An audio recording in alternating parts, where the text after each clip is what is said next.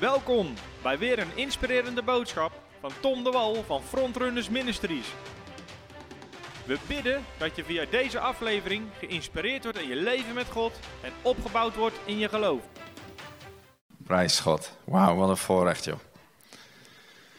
Oh, wat is het heerlijk om bij elkaar te komen en, en, en Jezus centraal te stellen. Amen. En gewoon God de ruimte te geven om in ons leven te bewegen.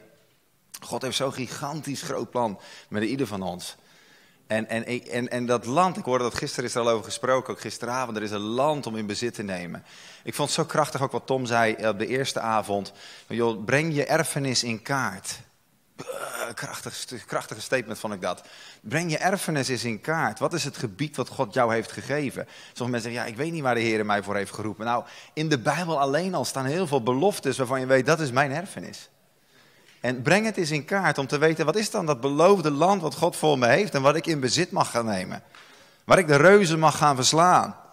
Waar ik de vijand in de pan mag hakken. En waarin ik werkelijk bezit mag nemen van datgene waartoe Christus Jezus zijn bloed heeft vergoten. Er is een hoge prijs betaald voor jou en mijn zegen. Voor jou en mijn leven dat in overvloed. Amen. Prijs de Heer. Voor diegenen die mij niet kennen, ik ben dus Bernard Oudhoff. Ik ga voor in de gemeente Jubilee Oosterhout. Dat doe ik nu ongeveer uh, in januari, precies tien jaar. Geweldig. En daarvoor uh, was ik voorganger in een gemeente in, in Drachten. Dat toen destijds ook een Jubilee gemeente was. En uh, daarnaast, ik ben vader van vijf kinderen. Ik ben vijf jaar lang ook voltijds in de bediening geweest, totdat God sprak dat, dat hij me ook wilde gebruiken in de businesswereld, in de zakenwereld. Toen ben ik weer, heb ik weer een baan gezocht. uh, dat is een mooi avontuur. Uh, ik dacht dat God het zou geven. Ik wist niet precies wat hij precies wilde. Maar op een gegeven moment, een lang verhaal kort gemaakt. Ik ben weer ergens gaan werken. En, en nu werk ik dus bij een, bij een groot softwarebedrijf. Een, een, een, multinational waar ongeveer 30.000 mensen wereldwijd werken. En die CEO, dat is een christen. En ik geloof dat God me de deur heeft geopend om in die wereld te zien en te kijken en te ervaren en, te, en te gewoon te proeven van wat het is om in deze wereld invloed uit te oefenen, ook vanuit een business perspectief. En dus God is daar een geweldig plan bezig. Ik zeg af en toe, ik weet niet of jij dat ook al eens hebt, maar soms in de omstandigheden of de plaatsen waar God je brengt, je hebt niet altijd van tevoren door waarom God je brengt in bepaalde plaatsen. Maar God is een strategische God. Hij brengt je altijd op een plaats waar hij een bedoeling mee heeft. En soms als jij het op dit moment niet weet, kijk je later terug, denk je, wauw, dat was een stuk training, dat was een stuk opleiding, dat was een stuk vorming om het te brengen in de plaats waar hij me wilde hebben. Halleluja. Prijs God. Prijs God. Ik wil vandaag spreken. Ik heb een, uh, ik heb een, een, een, uh, een PowerPoint gemaakt. Ik heb niet een klikker. Dus uh, broer, af en toe geef ik een signaal. En dan, zeg ik, dan doe ik inderdaad mijn duim zo omhoog. En dan kun je de volgende kun je laten zien. Ik wil vandaag spreken over drie principes van geloof. Ik was ermee bezig. Ik kwam uit op 14 principes die ik zo neerzette, die in mijn hart waren. Ik heb het teruggebracht naar 7.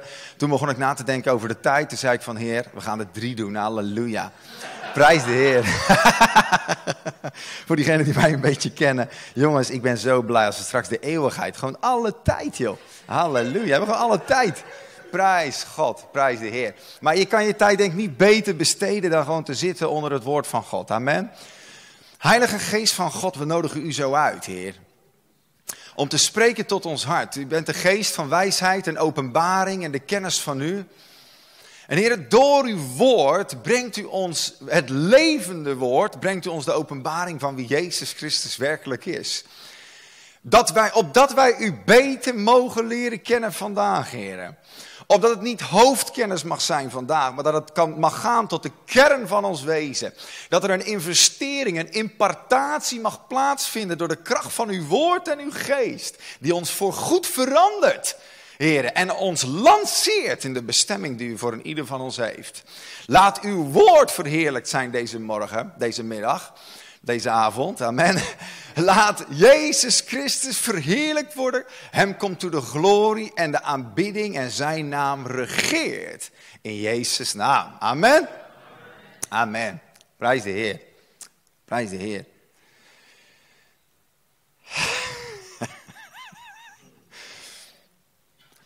Als we in de atmosfeer, korte introductie, als we in de atmosfeer zijn van lofprijs en aanbidding, ik weet niet hoe het met jou zit, maar soms ik heb geleerd te blijven in een atmosfeer van lofprijs en aanbidding, ook als het woord gepredikt wordt. Want, want een, een dienst is niet een facet, oh nou zingen we liederen en dan sluiten we dat af. Krijgen we een stukje mededelingen, sluiten we dat af. Dan gaan we zitten, dan horen we wat, lezen we iets uit de Bijbel, dan sluiten we dat af. Weet je wel, dan hebben we misschien nog een tijd voor gebed, sluiten we dat af en dan hebben we koffie en gezelligheid. Ik heb geleerd om, als het woord van God wordt gesproken, om te blijven in een houding van aanbidding en lofprijs. Want Jezus Christus is het levend geworden woord. Amen.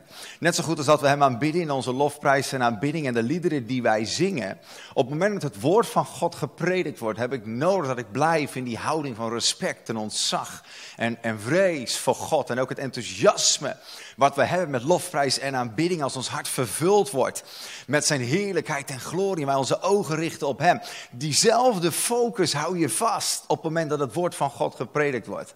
Daar wil ik je echt eens toe uitnodigen, want het gaat namelijk een andere dynamiek geven in de manier waarop je hoort. Want je bewaart jezelf in de tegenwoordigheid van God. Bewaar jezelf in de flow van aanbidding, terwijl het woord van God gepredikt wordt. Je zal merken hoe krachtig dat is. Want het zijn geen losse onderdelen. Het, het, het hoort bij elkaar. Prijs de Heer. De net werd... ik moet even mijn water hebben. De net werd, werd al gezegd van eh, de, zalving, je kan het niet zozeer onderwijzen, maar je moet het ontvangen. En voordat ik het woord van God met je ga openen, werd ik bepaald in de, in de, in de voordienst met de tekst in Jeremia 15, vers 16. Ik kun je even uit opzoeken, want ik heb niet op mijn PowerPoint staan. Jeremia 15, vers 16. Halleluja. Halleluja. Jeremia 15, vers 16.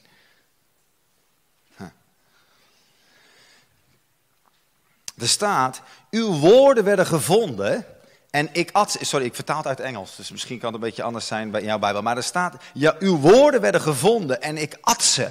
En uw woorden werden tot mij blijdschap en het werd het genoegen van mijn hart. Want ik ben geroepen door uw naam, o Heere, God der Heerscharen. Uw woord werd gevonden en ik at ze. En uw woorden werden tot mij een blijdschap en een genoegen in mijn hart. Want ik ben geroepen door uw naam, o Heer, God der Heerscharen. Uw woorden werden gevonden en ik at ze. Wanneer heb je voor het laatst het woord van God gegeten? Weet je dat op verschillende plaatsen in de Bijbel staat dat er een, dat er een, een, een, een boekrol werd gegeven, of aan de profeet, of, of zelfs in Johannes in openbaringen, en dat er werd gezegd, eet het. Hier spreekt ook het woord van God eten. Het woord van God beluister je niet, het woord van God eet je. En dat is een andere essentie. Wat God verlangt is niet dat wij, zeg maar, uh, dat wij toeschouwers zijn of dat wij luisteraars zijn, maar dat wij deelnemen aan hetgeen wat hij wil delen. En dat is een ander ding. Dat heeft iets al. Kijk, als ik op school zit, dan luister ik. Als ik een interview beluister, dan ben ik aan het beschouwen. Als iemand een mening deelt, dan ben ik aan het beschouwen. Wat is mijn mening? Wat is mijn idee? Laten we het met elkaar eens over hebben. Wat we ervan vinden. Maar als God zijn woord spreekt, het woord van God is levend en het is krachtig en het is scherper dan enig tweesnijdend zwaard. En als we het toelaten, dringt het door tot de scheidingslijn van geest en ziel, been en merg. En niets is verborgen voor zijn aangezicht, voor wie wij allemaal rekenschap af moeten leggen. Maar we het woord die plaats dat het niet binnenkomt. Nou, eens even kijken wat ik ervan vind. Ik ga eens even ontdekken, ik ga eens even zien. Eens even zien wat er vandaag gedeeld wordt. Nee, als Jezus spreekt, als het woord van God gepredikt wordt, als het woord van God geopend wordt, dan is het tijd om te eten. Om te eten. Jezus Christus had grote scharen die hem volgden. Totdat hij begon te onderwijzen. En zei, hij zegt, mijn vlees is brood, mijn vlees moet je eten en mijn bloed moet je drinken. De Bijbel zegt dat ze hem allemaal, die grote menen die eens zo enthousiast waren. Het waren luisteraars. Goh, wat een interessante man. Wow, er gaat autoriteit vanuit, hè? Wat een geweldige wijsheid, hè? Heb je het al gehoord? Wat fantastisch, hè? Ik zeg niet dat ze niet enthousiast waren. Ik zeg niet dat ze er met elkaar niet over praten. Ik zeg niet dat het eh, geen impact had. Nee, de woorden van Jezus hadden impact. Maar bleven er slechts twaalf over die gewillig waren om het woord van God niet slechts te horen, niet slechts te beschouwen, niet slechts als toeschouwer erbij te zitten, maar die zeggen ik wil eten wie u bent. Ik wil tot mij nemen. Ik wil deel hebben aan wie u bent. Ik wil, ik wil, ik wil niet slechts een mening horen, ik wil niet slechts een luisteraar zijn, maar ik wil één worden met datgene van wie u bent. En als je dat verlangen hebt in je hart om één te worden met het woord van God, ga je merken dat de kracht van God, de kracht van God wordt de kracht van God in jouw leven. Halleluja. Prijs de Heer. Weet je wat het verschil is? We hebben zoveel geweldige diensten met elkaar, waar het woord van God door een gezalfde prediker kei geweldig goed gepredikt wordt. Maar je hebt er geen sikkepit aan als het geen investering is in jouw hart en je morgenochtend wakker wordt met een nieuwe investering in je hart, wat kracht vrijzet in je omstandigheden. Amen. In dit land en ook in mijn leven, misschien kunnen we naar de volgende slide gaan, want anders schiet het echt niet op. Even kijken. Geloof begint waar de wil van God duidelijk wordt. Geloof begint pas daar waar de wil van God duidelijk wordt. Als je met kerkelijke mensen spreekt, of zelfs buiten in de wereld, zeg geloof je? Ja, zeggen we allemaal. Ik geloof. Waar geloof je dan in? Nou, ik geloof in God. En dan vinden we onszelf al heel wat. en dat is ook goed, hè? Prijs ik heb me voorgenomen niet te beledigen. Wacht even, ik moet eventjes... Oké? Weet je, en, en, en als, we, als, we echt, als we echt radicaal zijn, weet je, dan kopen we zo'n vis en die plakken op onze auto. Klets! Weet je, dan hebben we een boodschap naar de hele wereld. Ik hou van vissen. nee, nee. Ik hou van Jezus. Ik ben een volgeling van Jezus. Weet je. En, en, en, en is, dat, is, dat is geweldig. Dat is fantastisch, weet je. Maar ik heb jaren in de kerk gezeten zonder werkend geloof. Ik geloofde wel in God, maar het had alleen geen impact in mijn leven. En God nodigt ons uit naar een diepere level. Ik geloofde in God, het had alleen geen impact in mijn leven. Er is een verschil tussen zeggen ik geloof in God en de kracht van geloof, of de geest van geloof waar de Bijbel over spreekt, in je leven hanteren.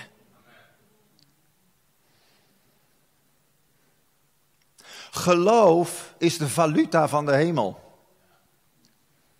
Zoals wij zouden zeggen van joh, het betaalmiddel. En begrijp me goed, is die, ja maar we kunnen toch niet betalen. Weet je, het is, zonder geloof is het onmogelijk om God te behagen, zegt God. Hier in Hebreeën 11 vers 6. Zonder geloof is het onmogelijk om God te behagen. Want wie tot God komt moet geloven dat hij bestaat. En dat hij de beloner is van diegenen die hem ernstig zoeken. Hij wil je belonen. Tot, tot, tot, tot, tot het, van top tot teen wilde je belonen. Wil, wil, hij, wil hij je zegenen. Wil hij verlangt hij dat je wandelt in de zegen en de kracht en de heerlijkheid van God. Maar hij verlangt dat je dus niet slechts die persoon, ja, ik geloof in God. Maar dat het geloof zo'n krachtige investering in jouw hart wordt. Dat op het moment dat jij de zaal uitloopt, dat jij iets hebt wat je in de praktijk kan brengen in jouw leven. Ik ben jarenlang naar de kerk gegaan en prijs, prijs de Heer hè, voor mensen die zeggen. Uh, weet je, oh, en dat had ik zelf ook, want je bent zo gezegend door de preek. En wat een geweldige preek. Geweldig. Weet je, fantastisch is dat. Maar uiteindelijk waar het om gaat, is niet zozeer dat we een geweldige samenkomst hebben, alhoewel dat fijn is dat we dat hebben. Maar is dat levens vanuit het diepst van je wezen getransformeerd worden. En dat je gaat begrijpen wie jij bent in Hem, wat Hij je heeft gegeven. En dat jij in de praktijk van je leven dingen totaal gaat veranderen. Door de kracht van God in jouw leven. Door de woorden die jij gaat spreken. Door de autoriteit waarin jij gaat optreden. door de vrijmoedigheid waarin jij gaat uitstappen. Amen. Als je eens naar jezelf kijkt en, en, en, en, weet je, voor jezelf moet je soms zo'n balans opmaken. Als je gewoon de afgelopen tien jaar kijkt, weet je als je terugkijkt, is, uh, op welk vlak ben je gegroeid, ben je toegenomen? Tel je overwinningen, tel je grote doorbraken, tel eens even van welk niveau je bent afgekomen. Als je dat doet over tien jaar en je denkt van, nou ja, tien jaar geleden was het ongeveer een beetje hetzelfde. Dan heb je je tent gebouwd in de woestijn. Ik zeg niet dat de tegenwoordigheid van God daar niet is in de woestijn, die is daar. Maar God verlangt dat je progressie maakt. En dat je in bezit neemt datgene wat hij voor je heeft. In de woestijn hadden ze ook geweldige samenkomsten, ja? Wat fantastisch was het. Weet je, dat was de wolkolom. God is hier. Ook in de woestijn. God was er. Dat je s'nachts de vuurkolom boem, begon te bewegen. Jongens, God beweegt. God beweegt. Pak je spullen. Iedereen pakte de spullen. We gaan met God. Alleen het punt was, ze waren geen land in bezit het nemen. En wij als gemeente van Jezus Christus, we kunnen geweldige samenkomsten hebben, maar als wij blijven wandelen en functioneren in een woestijnmentaliteit. En we gaan niet in een nieuwe vrijmoedigheid in bezit nemen het land wat Hij voor ons heeft. En we gaan niet dingen veranderen, we gaan niet dingen confronteren in onszelf en in onze omgeving. En we gaan niet op de bres staan om te zien dat Gods glorie en heerlijkheid doorbreekt in onze levens, in onze huwelijk, in de gezinnen, in onze financiën, in, in, in, in onze wandel met God, in onze verstaan van de stem van God. In mijn bediening, datgene wat God mij heeft gegeven om uit te delen. Weet je, ik mag niet blijven hangen in de woestijn.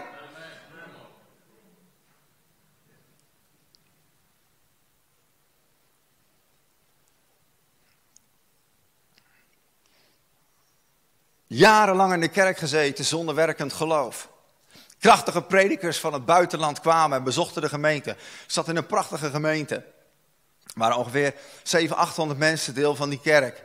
En, en, en mensen kwamen binnen, de grootste namen kwamen binnen. Kim Clement kwam binnen daar en hij, hij profeteerde, sprak, demonen werden uitgeworpen. Dirk Prins bezocht die kerk. Uh, allerlei Afrikaanse mannen gods. Benson Idahosa. En, en allerlei mensen over heel de wereld. Uh, Marilyn Hickey. Verschillende mensen uit heel de wereld werden naar Nederland gehaald. En wat een gigantische opwekking. Gigantische manifestatie van Gods glorie en heerlijkheid. We werden er enorm van gezegend. We werden er enorm door bemoedigd, door gezegend. Maar ze namen het vuur ook weer mee terug. En er komt een moment in je leven dat je beseft, wacht even. Ik mag niet stilstaan. Het mag niet zo zijn dat daar een bediening staat met vuur, met kracht. En het mag niet zo zijn dat ik op dat moment er geen deel van krijg. De Bijbel zegt dat de vijfvoudige bediening is gegeven om de heiligen toe te rusten voor het werk van hun bediening. Elke keer als jij naar een samenkomst komt, een dienst, een bijbelstudie, een livegroep, wat dan ook. Besef op dat moment, ik zit hier om iets te ontvangen wat mij totaal verandert. Als daar iemand is met een bediening vanuit God, als er iemand is die heeft een getuigenis vanuit God, die begint te getuigen hoe ze de doorbraak merkt in hun gezin of met hun opleiding of wat dan ook. Op dat moment moet je weten, daar zit een lading van God in. Ik ben niet slechts een luisteraar, oh wat fijn voor je zus, fantastisch voor je broer, halleluja. Maar ik ik eet hetgeen wat God mij laat zien hier. Ik neem deel aan hetgeen wat gedeeld wordt. Opdat het niet iets is wat binnenkomt en vervolgens weer, wauw, wat hebben we een fijne avond gehad. Maar het heeft een drastische verandering teweeg gebracht in mijn leven. Amen. Het woord van God moet gegeten worden, zodat het woord van God het ook vanuit je binnenste weer naar boven kan krijgen. Ik heb gemerkt dat in samenkomsten, als je, als je ervoor open staat, zal God imparteren in je leven. Het woord van God zal ge, geïmparteerd worden in je leven. En, en woe, je gaat geladen, ga je terug naar huis. Maar wat gebeurt er? De Heilige Geest, die gaat mee, die is er altijd, amen. Maar in jouw tijd van persoonlijk gebed gaat God opnieuw dat woord wat in jou geplant is, wat in jou gevestigd is, gaat hij naar boven brengen. En hij gaat opnieuw spreken datzelfde woord met toepassing op jouw persoonlijk leven. En ineens weet je, ik heb God gehoord en ik moet iets gaan doen. Vijftien jaar geleden begon ik te ontdekken dus. Het is al eerder, het is nu zeg maar ongeveer een, een uh, wanneer kwam ik tot geloof? Ongeveer 15 was, dus ongeveer 23 jaar geleden kwam ik tot geloof. En vanaf dat moment begon ik ineens te beseffen. Ik had al die tijd in de kerk gezeten, maar vanaf dat moment besefte ik, Heer, ik heb iets meer nodig dan alleen geloof in God. Dat was het teken, hè? Ja, top, ja.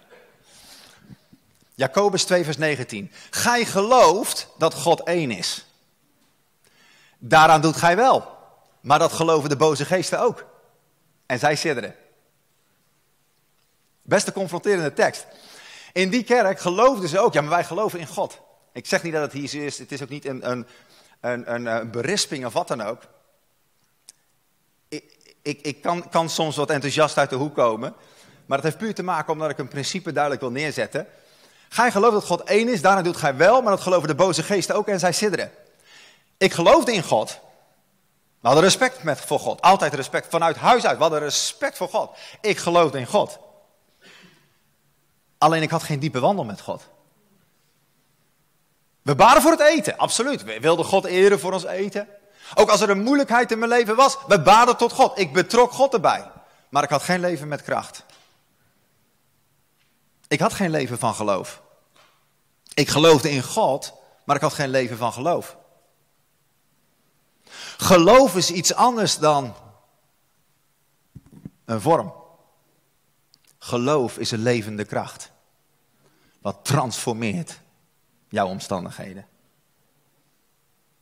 Het is een transformerende kracht.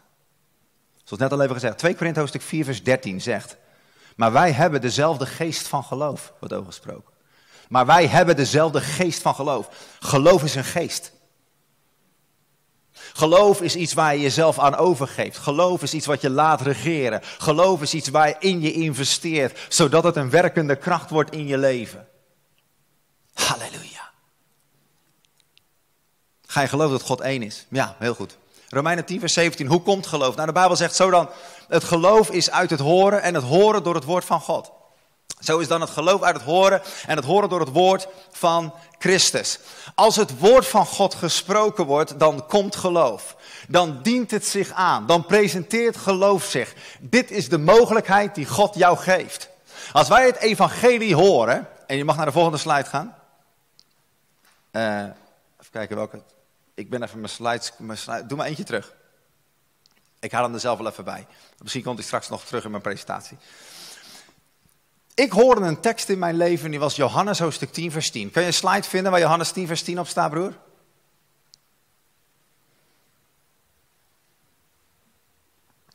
Kijk, daar is die. Ik hoorde deze tekst en in één keer begon ik te beseffen, wacht even. Dit is wat Jezus wil. De dief komt alleen maar om te stelen, te slachten en verloren te laten gaan. Ik ben gekomen omdat zij leven hebben en overvloed hebben. Deze tekst heeft voor mij zoveel betekend. Velen van ons kennen hem, misschien verschillende van ons kennen hem uit ons hoofd. Maar wat betekent dit voor jou en voor mij? Dit betekent heel duidelijk dat God is goed. Amen. En alles wat van God komt is goed. God geeft goede gaven. Dat is het 4G-netwerk, moet je op aangesloten zijn. God geeft goede gaven. Want je kan ook naar 5G. God geeft geweldig goede gaven. Maar God geeft goede gaven. God is goed. In mijn leven ook. Sommigen van ons, sommige van, van, ons kennen, kennen het verhaal ook. Met mijn eerste vrouw, die is overleden aan borstkanker. En dat is een moeilijke periode geweest, een hele moeilijke periode waarin we ook in geloof stonden. En ook hebben gezien van, weet je, dat zij dus de aarde verliet. God heeft me in die periode zo diep bemoedigd en zo'n beeld gegeven ook van het hemelse. Dus God heeft me werkelijk een beeld gegeven van waar mijn vrouw is. Op dat moment liet hij het me zien.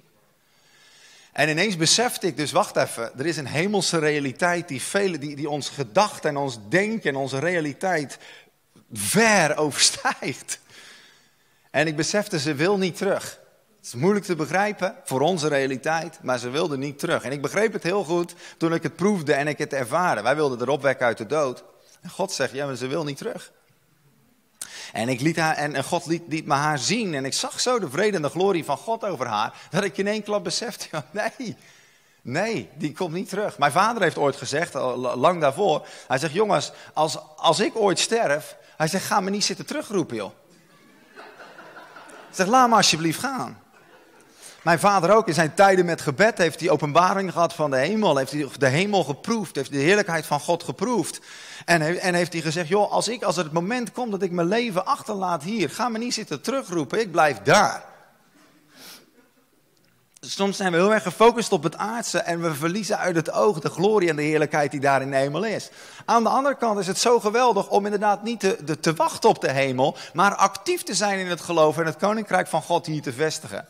Okay, dus God begon wat dingen te, eh, duidelijk te maken. Bernard, je moet hiermee doorgaan. God heeft me ook heel veel lessen geleerd over wat geloof wel of niet is. Ook in, in dat hele proces. En, en, en, en de dingen van waar we wellicht, waar ik echt gewoon diepe lessen geleerd in dat hele proces ook, wat zich toen heeft afgespeeld. Wat we gelukkig gezien hebben door al die jaren heen, we hebben gigantische grote wonderen zien. Mensen van kanker zien genezen. Mensen van ongeneeslijke ziektes zien genezen. Mensen van allergieën zien genezen. Mensen van weet je, migraine zien genezen. Weet je, we hebben zo de kracht van God gezien. De Heilige Geest die beweegt de mensen voortdurend genezen. We hebben genoeg genezing. Als we weten, de wil van God is genezing. Als dingen in één keer, als er dan op een gegeven moment iemand overlijdt, of er gaat een keertje iets, iets anders, dan ineens beginnen we te schudden op onze grondvesten. Terwijl de wil van God nog exact hetzelfde blijft. Om ons in ons religieus geloof te sussen, zeggen we soms, ja, we hebben er toch geen vat op. Of God doet toch wat hij wil. Of zijn wegen zijn toch hoger dan onze wegen. En die dingen, zijn wegen zijn hoger dan onze wegen, dat is waar. Maar de Bijbel zegt heel duidelijk in die context ook van Jezaja 55, daarom moet jij je bekeren. Het blijft niet zijn wegen hoger dan jouw wegen. Jij moet je bekeren om te gaan denken zoals God denkt. God roept je naar een hoger niveau. Gebruik dat niet als excuus. Zeg van ja, maar we zullen het toch allemaal niet weten. En wat van de Heilige Geest dan? Je maakt de Heilige Geest in één klap werkloos. Ja, we zullen het allemaal niet weten. Ja, zegt de Heilige Geest. Wil ik je leiden in al de waarheid, waar de Bijbel over spreekt. De Heilige Geest is uitgestort. De belofte van de Vader gegeven om jou te leiden in alle waarheid. En wij zeggen, weet je, de Heilige Geest staat aan de deur. Nee, nee, nee. We zullen toch niet alles weten, joh. Gods wegen zijn hoger dan onze wegen. Prijs de Heer dat zo is, maar laat de Heilige Geest binnen in je leven. En hij je brengen naar een niveau dat je gaat denken zoals God denkt. Zodat je dingen kan gaan veranderd zien worden in je leven. Amen.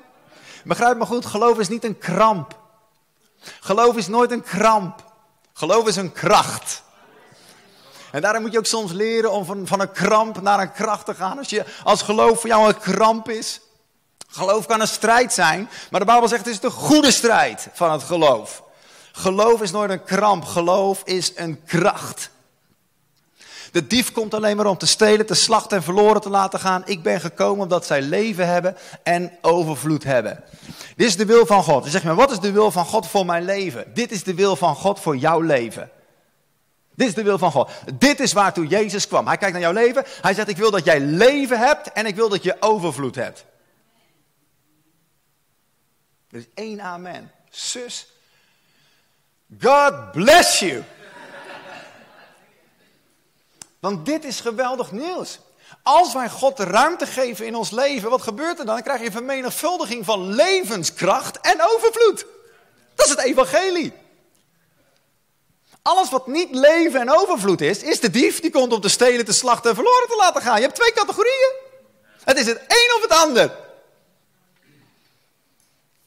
Dus als er processen zijn in jouw leven, je ziet, je ziet helemaal geen vooruitgang, je ziet teruggang, je ziet aanval, je ziet er niet, Heer, uw wegen zijn ondoorgrondelijk. Nee, besef dan, wacht even, ik moet in mijn autoriteit gaan staan. Ik mag gaan geloven voor de doorbraak. Ik mag gaan voor de overwinning. Ik mag mijn geloof inzetten. Ik mag het woord van God gaan proclameren. Ik mag gaan verwachten dat de glorie van God doorbreekt in mijn leven. Ik mag verwachten dat ik niet blijf op de plaats waar ik nu ben, maar dat God verlangt dat ik ga van geloof tot geloof, van heerlijkheid tot heerlijkheid tot heerlijkheid tot heerlijkheid. Amen.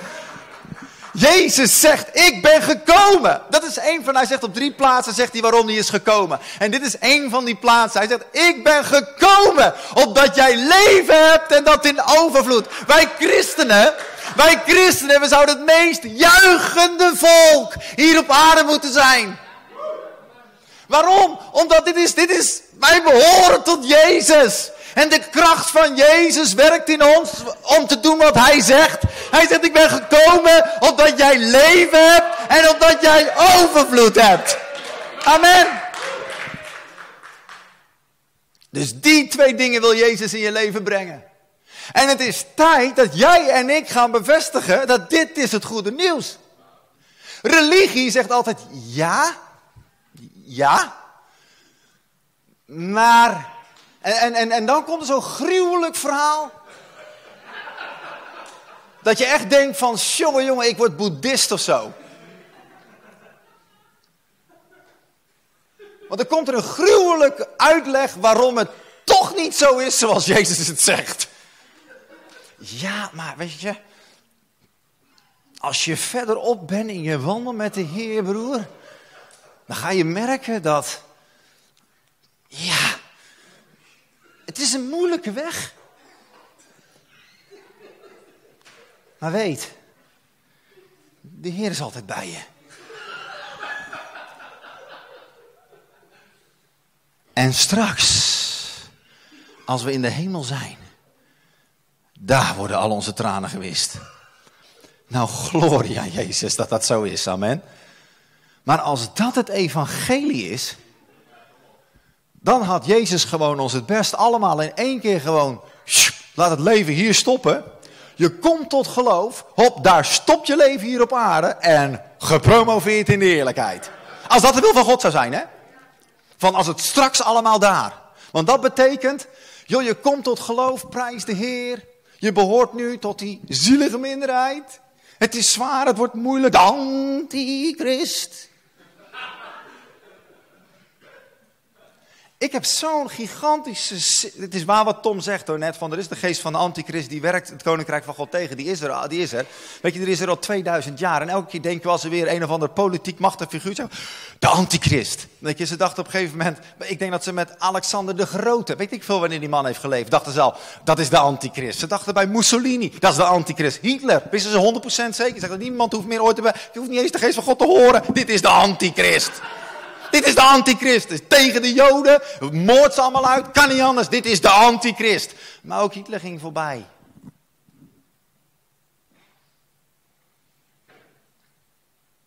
Nee, Obama.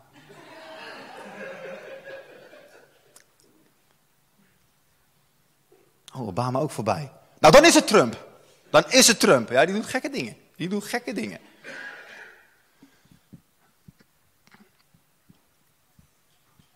Het is verschrikkelijk verdrietig. Hoeveel respect, hoeveel ontzag. Hoeveel de, de antichrist en demonische machten in levens van christenen teweeg brengen. Terwijl we volledig onderschatten de kracht die in Jezus is. En dus in ons. Ik heb geen respect voor de duivel. Geen respect ook voor de antichrist. Geen respect voor demonische invloeden. Ik heb er een rothekel aan. Ik haat het met een zuivere haat. En ik weet, hij is overwonnen.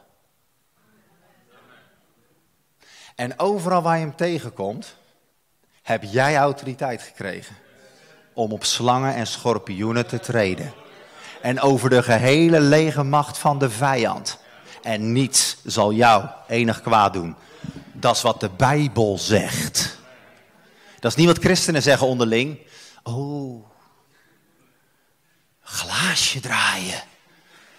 Daar moet je van wegblijven. Weet je wat er gebeurt? En weet je, het punt is, als we nou ook zo zouden spreken over de kracht van God, zou ik zeggen, joh, nou goed, dan heb je misschien heb je nog een, een beetje balans. En we moeten ook ervoor oppassen dat we onze kinderen ook helpen om bij de verkeerde dingen weg te blijven. Maar wat is een piluttige, demonische activiteit van gevallen, een gevallen, ontklede, ontwapende engel? Van een of andere geestelijke, duistere macht die kruipt op de grond. Wat is dat vergeleken met een aanraking van God, de levende Jezus Christus, die regeert voor eeuwig en eeuwig, de koning der koningen, de Heer der scharen, deze zalving die elk juk verbrijzelt, elke last verwijdert, en als hij komt in je leven met zijn kracht en heerlijkheid, wordt elke macht van de duisternis gebroken. Amen. En omdat de duivel er zo vaak in slaagt om ons om de tuin te leiden in ons hoofd. Weet je, heb je ergens last van? Oeh, dat kan komen uit je voorgeslacht. Het maakt niet uit waar het vandaan komt. Weet je, we gaan in één keer gaan we heel serieus kijken. Oeh. Ja, dat was echt. Doet. Het kan komen uit je voorgeslacht. Weet je, uit, uit welke slachterij het ook komt. Het maakt niet uit waar het vandaan komt. Het woord van God zegt, Christus heeft ons bevrijd van de vloek. Gelaten 3 vers 13. Christus heeft ons bevrijd van de vloek. Colossense 3 vers 15. Hij heeft alle machten en overheden die tegen ons waren opgesteld, heeft hij openlijk tentoongesteld, over hen gezegevierd in het kruis.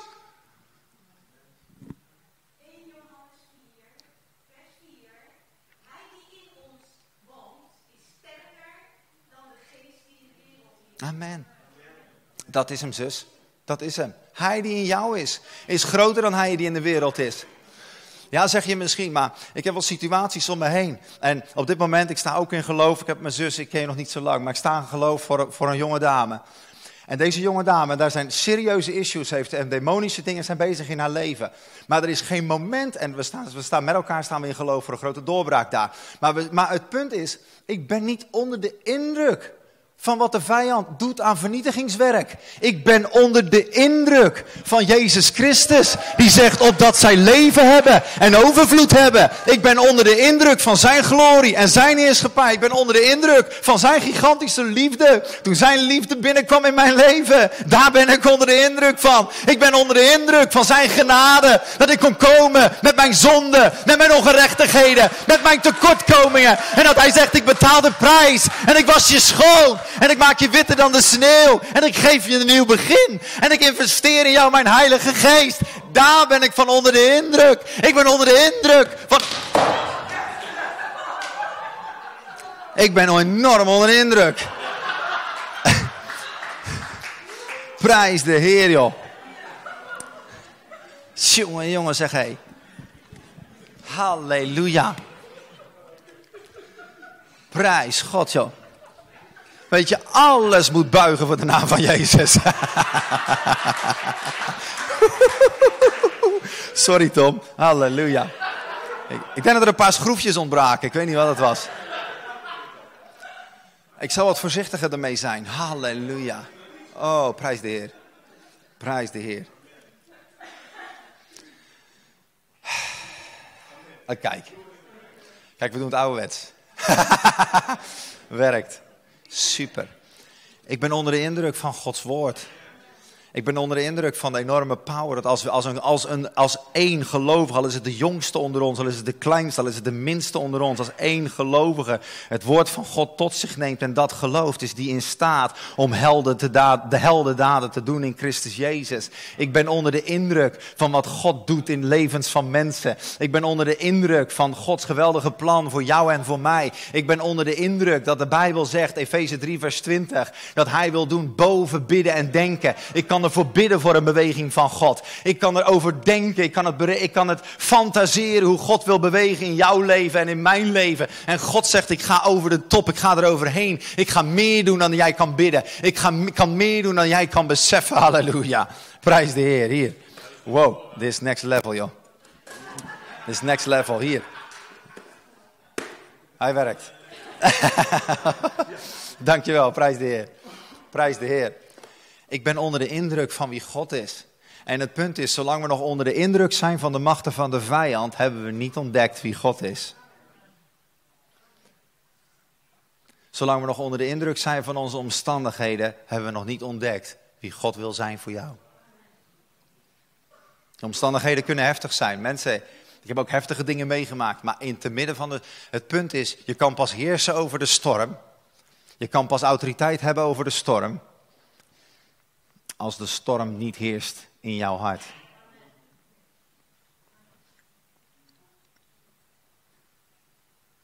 Geloof begint waar de wil van God bekend is. Halleluja. Geloof begint waar de wil van God bekend is. Door zoveel dingen die we met elkaar hebben gedeeld, is ons geloof vervuild geraakt. Dat je, Gods wegen zijn hoger dan onze wegen. Oh, de Heer heeft gegeven, de Heer heeft genomen. Geprezen zij de naam van de Heer. Dat is Job die praat in onwetendheid.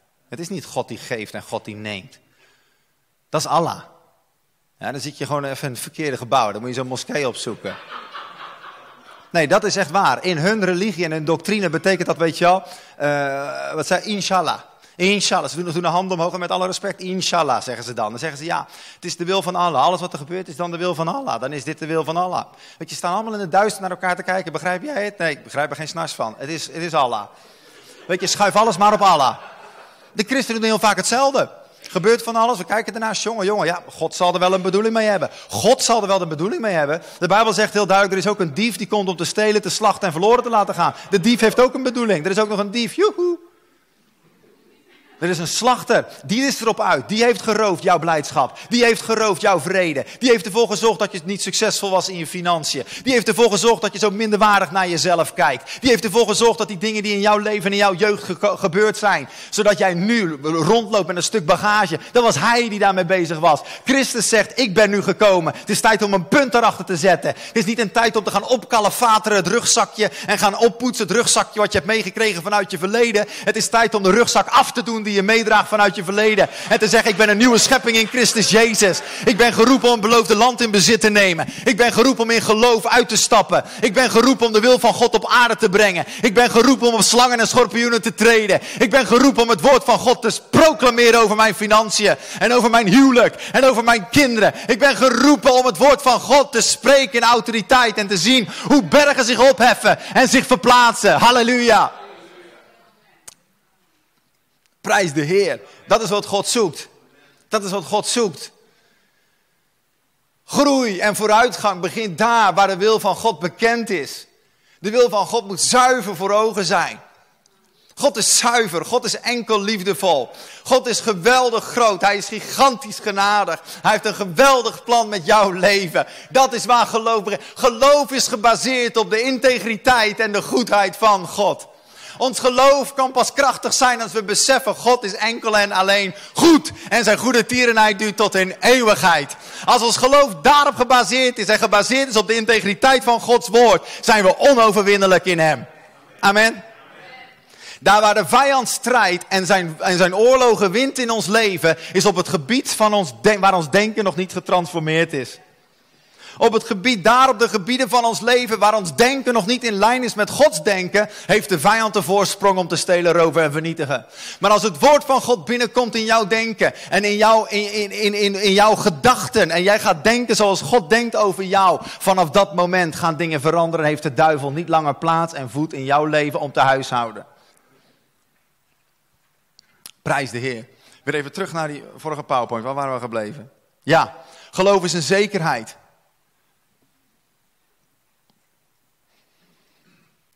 Geloof is een zekerheid.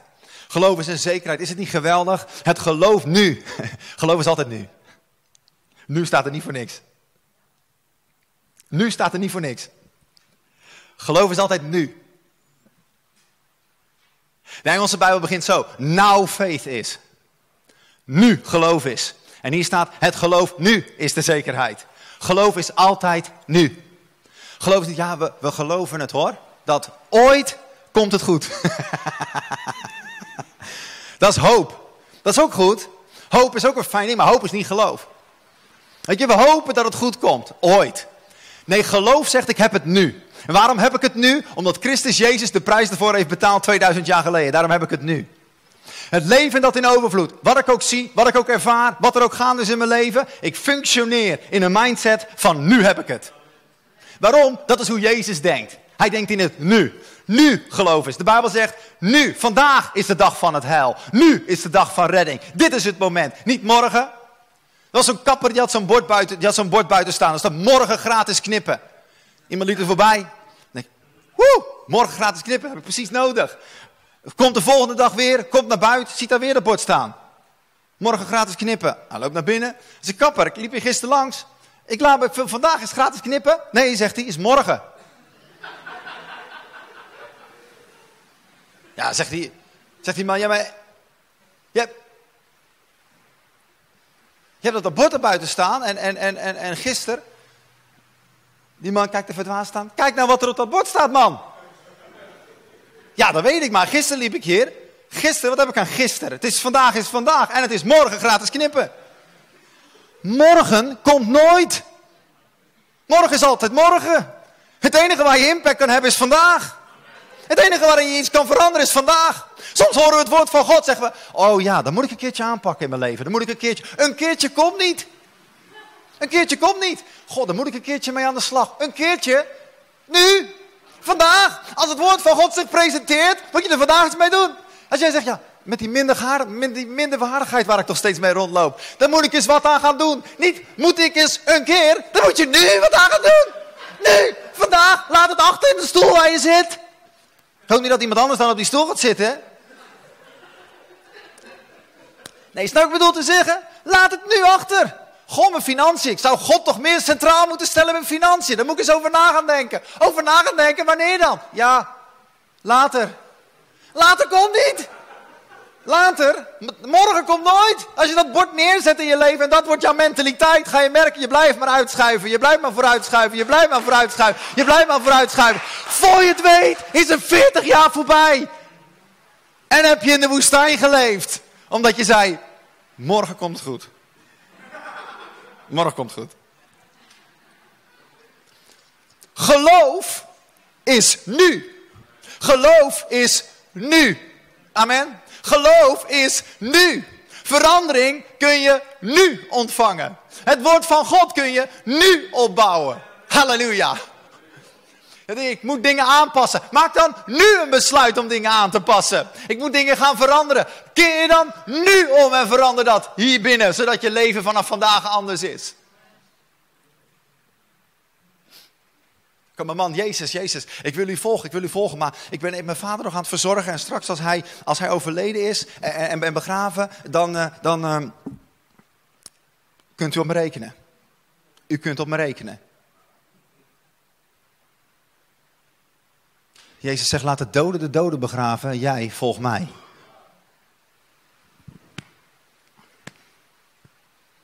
Mijn vader.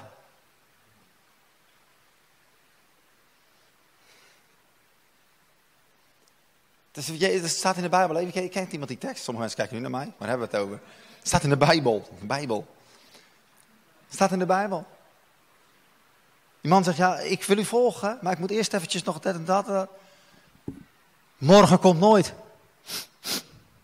En wij gaan allemaal discussiëren volgens. Ik, kom er ook niet meer rond hoor. Dus begrijp me goed, ik weet ook het antwoord niet. Maar, maar het is wel een mooi statement. Nee, nee, nee. Het is, nee maar het, het is interessant wat daar gebeurt. Zeg, ja, maar het zou toch logisch zijn als die man, die moet toch zorgen voor zijn vader. Wie moet dan zorgen voor zijn vader? Dat betekende niet dat zijn vader was overleden, die lag ergens dood. Maar het was meer van, hij was, zijn vader was in zijn laatste momenten, hij had heel veel zorg nodig. En die was gewoon het laatste seizoen van zijn leven. En die wist dat die man zou gaan overlijden. Dus hij zegt, joh, laat me eerst mijn vader begraven. En dan kom ik echt, dan kom ik achter u aan. Jezus zegt ook eigenlijk, hij zegt, joh, morgen komt nooit. Laat de doden de doden begraven, jij volgt mij. Je kan blijven hangen bij datgene wat aan, wat aan het sterven is. Je kan blijven hangen bij een oud patroon. Je kan blijven hangen in je oude leven. Maar dan ga je nooit het leven ontvangen waar Jezus over spreekt. Leven en dat in overvloed.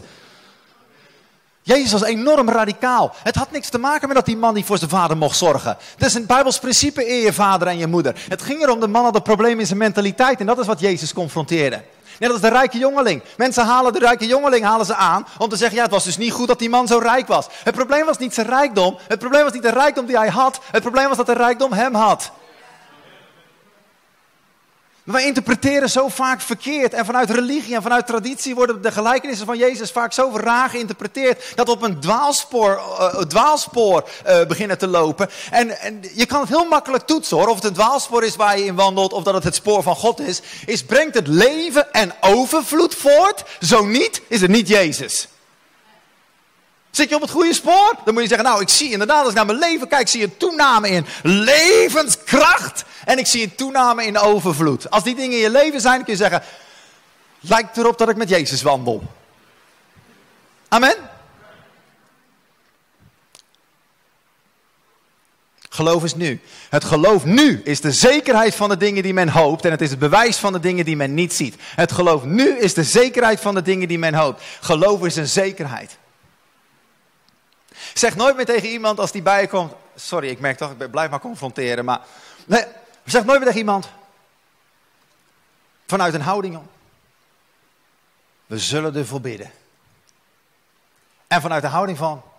Misschien gaat dit veranderen. Laten we het open.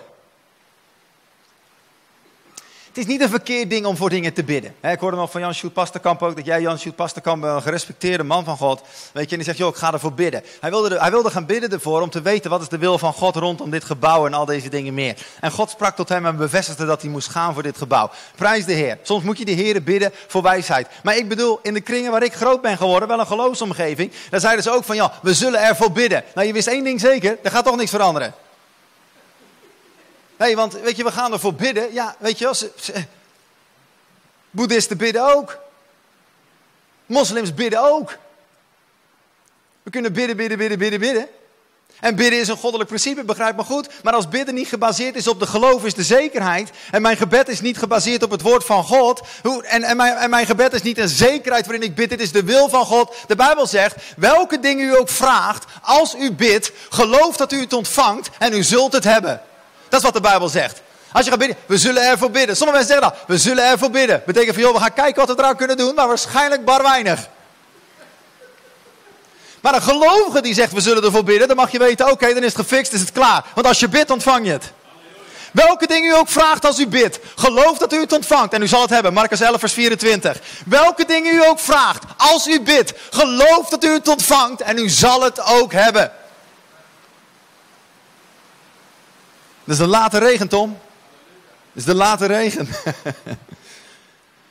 als je bidt, verandert het. Wat je moet gaan beseffen, als jij bidt, veranderen situaties op het moment dat jij bidt. En als jij niet het geloof erachter zet, achter jouw gebed, is je gebed waardeloos. Jouw gebed wordt pas krachtig en zet pas dingen om als het gemengd is met levend geloof. Wat, zegt dat, wat, wat gebaseerd is op wat Jezus zegt. Welke dingen ik ook bid. Als ik het bid en als ik het vraag, geloof ik dat ik het ontvang. En dan zal ik het ook hebben. Dat is hoe Jezus bad. Dat is hoe Jezus bad. Als hij wat, geloof dat ik ontvang het. En als ik het ontvang, dat betekent ik heb het. En vanaf dat moment wandel ik in de overtuiging van doorbraak en overwinning. Het is tijd dat in de gemeente van de Heer Jezus Christus een cultuur en een mentaliteit komt van overwinning en doorbraak. Als jij bidt, veranderen er dingen. Als jij bidt, zet jij de dingen van de hemel vrij, die vanuit de hemel zijn, die zet jij vrij op aarde. Als jij bidt, dan bind jij dingen die, hier op, die, die gebonden zijn in de hemel, die bind jij hier op aarde. Als jij bidt, veranderen er dingen. Niet een gebed op basis van hoop. Niet een gebed op basis van nood. Als God zou reageren op nood, dan zou heel India al gered zijn. Heel Afrika zou al gered zijn als God zou reageren op de uitroep van nood. Maar we zien nog steeds grote nood. God reageert op de uitroep van geloof en verwachting. Die zegt, Jezus, zoon van David, heb medelijden met mij. Het was een geloofsroep. Hij had zijn nood, maar hij wist bij Jezus heb ik het antwoord en hij verhief zijn stem. Jezus van Nazareth, heb medelijden met mij. Zoon van David. Jezus zegt, haal die man naar voren, haal hem erbij. Op het moment dat jij uitroept, niet in van nou ik weet het niet, we zullen ervoor bidden. Maar als jij uitroept in autoriteit, je roept uit in verwachting. Je roept uit met een levend geloof in je hart en een zekerheid. Jezus is mijn oplossing voor elk probleem in mijn leven. Dan mag je weten, alle die de naam van de Heer aanroepen zullen behouden worden. Halleluja, amen. Alle die de naam van de Heer aanroepen zullen behouden worden. In welke situatie jij ook zit, eh, in elke situatie waar je ook maar te maken hebt, als je de naam van Jezus uitroept in geloof, is daar overwinning, is daar kracht, is daar verlossing, is daar bevrijding, is daar doorbraak. Kan het soms even duren voordat je de doorbraak ziet? Ja. Ook de duisternis, die komt ook ineens. Oh ja, en nou ga je ineens staan in autoriteit. Zo ken ik jou niet. En dan moet je zeggen, nee, zo ken je mij ook niet. Dat is mijn oude ik. Maar er staat een nieuwe ik staat op. Mijn nieuwe identiteit in Christus Jezus staat op. Ik neem autoriteit over jou. Ik wedersta de duivel. En ik ben standvastig in het geloof, zegt de Bijbel. Ook daarin zie je weer de koppeling. Als ik de duivel wedersta, moet ik standvastig zijn in het geloof. Ik moet staan in mijn geloof. Ik moet staan in de zekerheid van de dingen waarop men hoopt. Het bewijs van de dingen die men niet ziet. Ik geloof in het woord van God, ook al zie ik het nog niet. Ik geloof in leven en dat in overvloed, ook al zie ik het nog niet.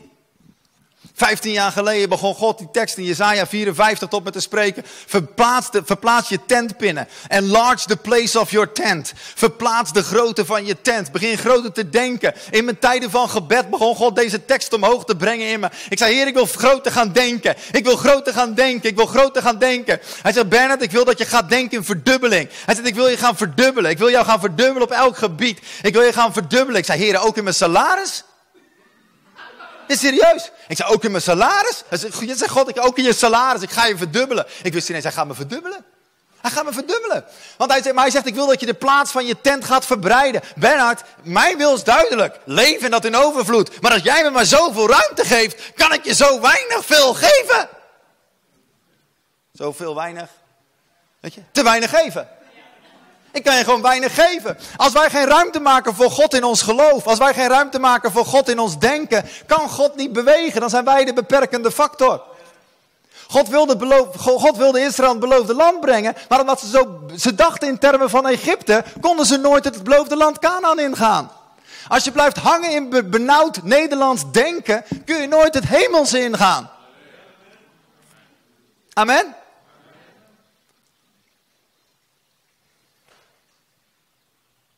Vergroot de plaats van je tent. En de dag kwam dat hij me verdubbeld had. En ik keek terug en ik zei, Heer, u heeft me verdubbeld. Hij zei, ik zei toch?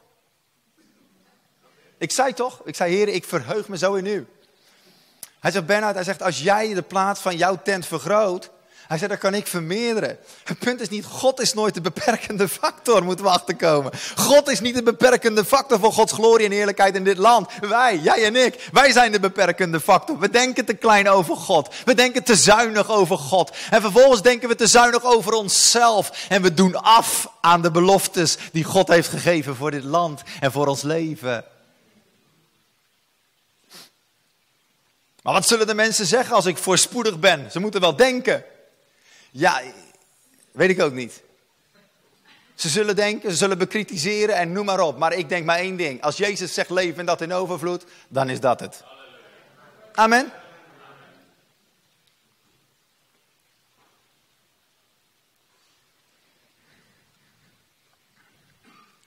Begrijp me goed, weet je, het is nu, ik kan confronterend zijn. De Bijbel zegt ook geloof door liefde werkende. Maar soms moeten dingen geconfronteerd worden in ons denken die scheef zijn. Want anders blijven we hangen op een plaats waar God je niet wil houden. Jezus was heel confronterend in zijn onderwijs. Wat ik al zei, het volgende wat ik aanhaal, dat de hele menigte, duizenden mensen verlieten hem ineens. Dan zou je zeggen, Jezus, dat was niet een goede, uh, dat was, het ging zo lekker ging zo lekker. Man, de menigte groeide, weet je. Ik zie Petrus al tellen.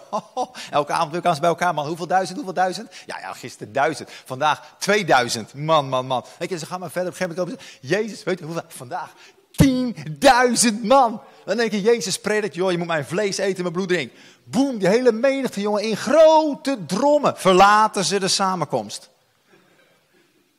Petrus telt nog. 1, 2, 3, 4, 5, 6, 7, 12.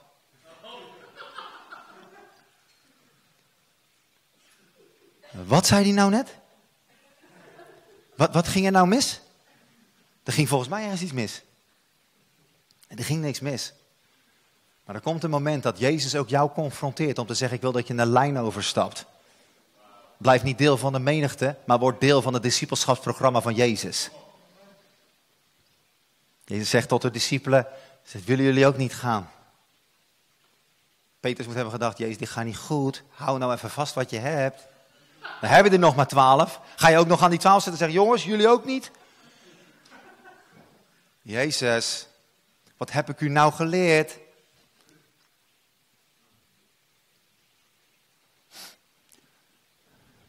Hij zegt, joh, Petrus die kijkt om en zegt, we hebben geen andere plaats om te gaan. Bij u zijn de woorden van eeuwig leven. Ik wil zijn waar u bent, want de woorden die u spreekt zijn woorden van eeuwig leven. Jezus zegt de woorden die ik tot u spreek, Johannes 6, vers 63, zijn geest en zijn leven. Halleluja, gaat veel verder. En God verlangt ons te brengen, komen in de plaats dat we zijn woorden eten. En zo'n deel worden van zijn discipelschapsprogramma. Dat we zeggen, oh het maakt niet uit hoe confronterend, het is. Het maakt niet uit hoe radicaal het is. Maar ik ga voor God. Als hij, de Bijbel zegt op een bepaalde plaats. Romeinen 8 vers 32.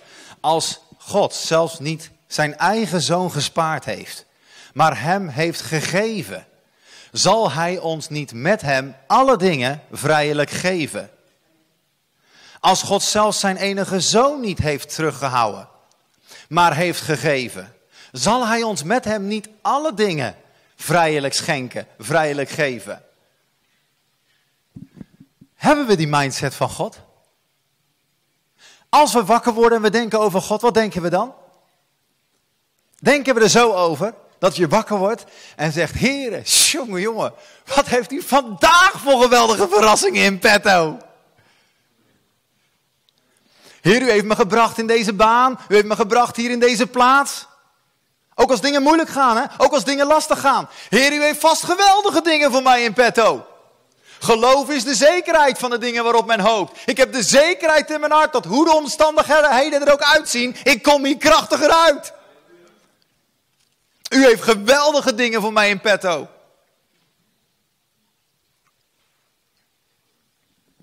Als ik moeilijke tijden had op mijn werk, lastige dingen, promotie bleef uit, ik kreeg conflicten met werkgevers. Achter elkaar kreeg ik conflicten met werkgevers. Ik vond dat ze gemeen waren en niet eerlijk. Ze hadden dingen beloofd en toegezegd en ze kwamen het niet na. Op een gegeven moment moest ik, tot, zelfs tot in rechtszaken toe.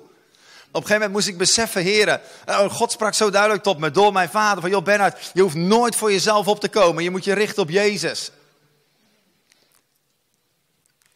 Ik begon God te vertrouwen dat Hij degene was die me zou promoveren. Dat het niet, dat het niet van een werkgever, dat ik gewoon in mijn werk, ik moet gewoon mijn werkgever lief hebben. Ik moet hem zegenen, ik moet in liefde blijven wandelen naar mijn collega's, naar mijn werkgever. Ik moet niet, ik moet niet op, als zij gemeen zijn. Reageer in liefde, reageer. En, en deze dingen, dat was voor mij een les. En misschien zegt God iets anders tegen jou, misschien zeg je, joh, ga die rechtszaak aan. Kan, kan zijn, hè, kan zijn. Meen ik serieus, kan echt zo. Als de geest van God je leidt om iets te doen, moet je het echt doen. Maar voor mij was dat een proces. Ik moest niet gaan kijken op werkgevers. Ik moest kijken naar God die mij wilde promoveren. En ik heb gezien, toen ik dat begon door te hebben, stopte er heel veel strijd in mijn leven. Heel veel strijd die ik zelf steeds aanging. Ik ging de strijd aan met de verkeerde dingen. Ging de strijd aan met mensen. En sommigen van ons hier ook, je gaat de strijd aan met mensen. Je wijst naar die, je wijst naar die. Die zit je dwars. Die heeft jou vroeger dit aangedaan. Die heeft zus gedaan. Die heeft dat over jou gezegd. En die voorganger die heeft zus. En die man die heeft zo. En die vrouw die zei toen dit. En toen heb je dit meegemaakt. En zij, en, en, en zij waren niet trouw. En al die dingen. En die dingen kunnen waar zijn. Maar je wordt pas vrij als de zoon je vrijzet. En als je gaat richten op wat Jezus tegen je zegt. Al die dingen gebeuren in deze wereld. Jezus zegt ook in deze wereld je verdrukking meemaken. Het kan zo zijn. Ja, maar die vriend het was een christen en hij deed zus en zo. Oké, nou laat het gebeuren. Vervelend dat het gebeurd is, maar je moet door, want er is een bestemming op je leven. Zegen je vijanden.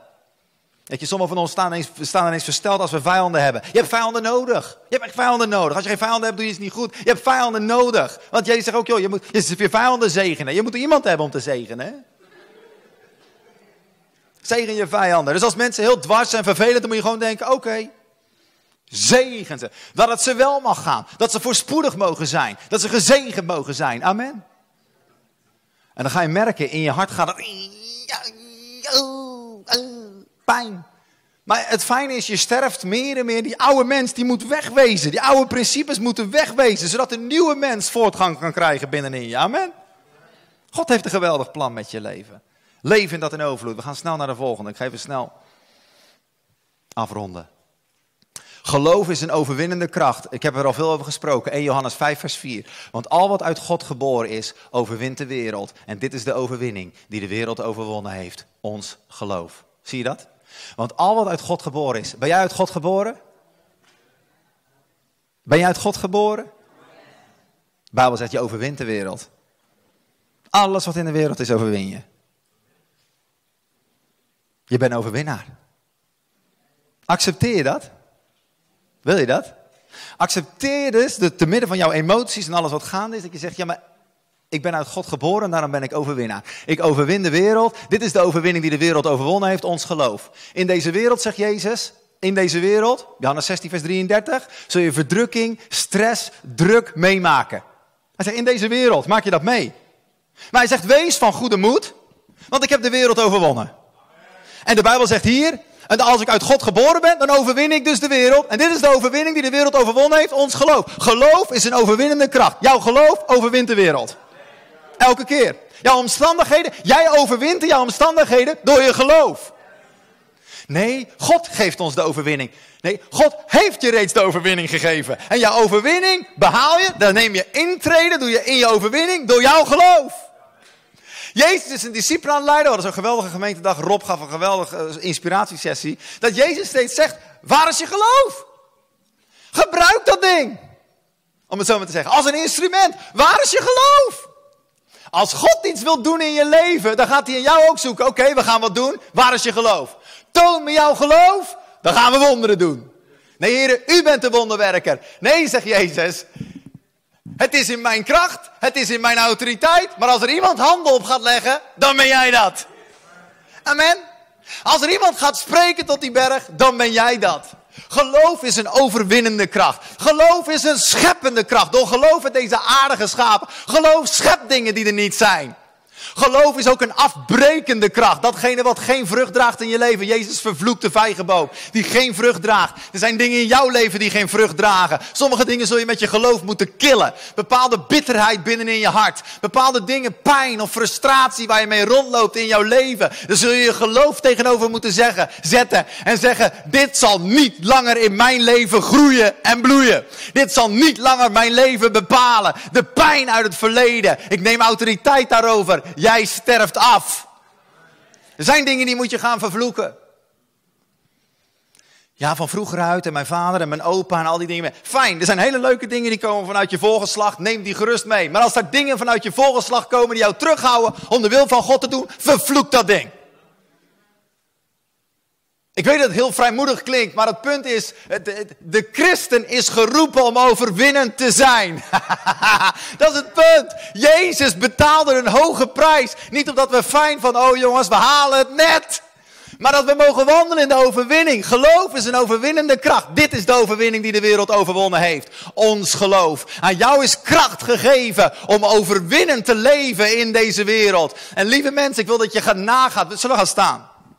Ik wil dat je gaat nadenken over situaties die je enorm dwars zitten. Dingen die wellicht onmogelijk lijken. Dingen waar je tegenaan botst. En, ik heb het over die dingen die eigenlijk soms jouw hele denken en jouw hele belevingswereld overnemen. Kan zijn je huwelijk, kan zijn je gezondheid, kan zijn jouw emoties, kan zijn je verleden, kan zijn je, je, je beeld van jezelf. Dingen waarmee je maar aan het knokken bent, aan het knokken bent. Deze dingen, neem het voor ogen op dit moment. In de tegenwoordigheid van God.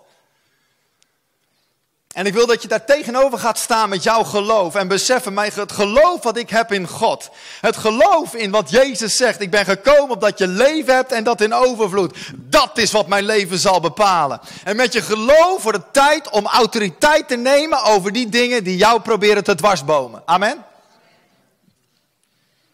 Het is fijn als mensen met jou in willen stemmen en met je willen bidden. Ik geloof in de kracht van gebed. In ieder geval het gebed van de gelovigen en de rechtvaardigen. Amen. Maar er zijn momenten, die zul je echt gewoon zelf. Je zal het grootste werk en jouw grootste overwinningen, die bevinden zich daar waar jij zelf autoriteit neemt over omstandigheden die jou lastig vallen. Christus heeft jou meer dan overwinnaar gemaakt. Hij heeft jou gemaakt om te triomferen. Hij heeft jou geroepen om leven en overvloed te genieten. Als er dingen zijn in jouw leven op dit moment die jou dwars zitten, waar je mee worstelt, waar je mee knopt en het vult je leven, op dit moment wil ik je vragen. Neem autoriteit in de naam van Jezus en spreek tot die berg.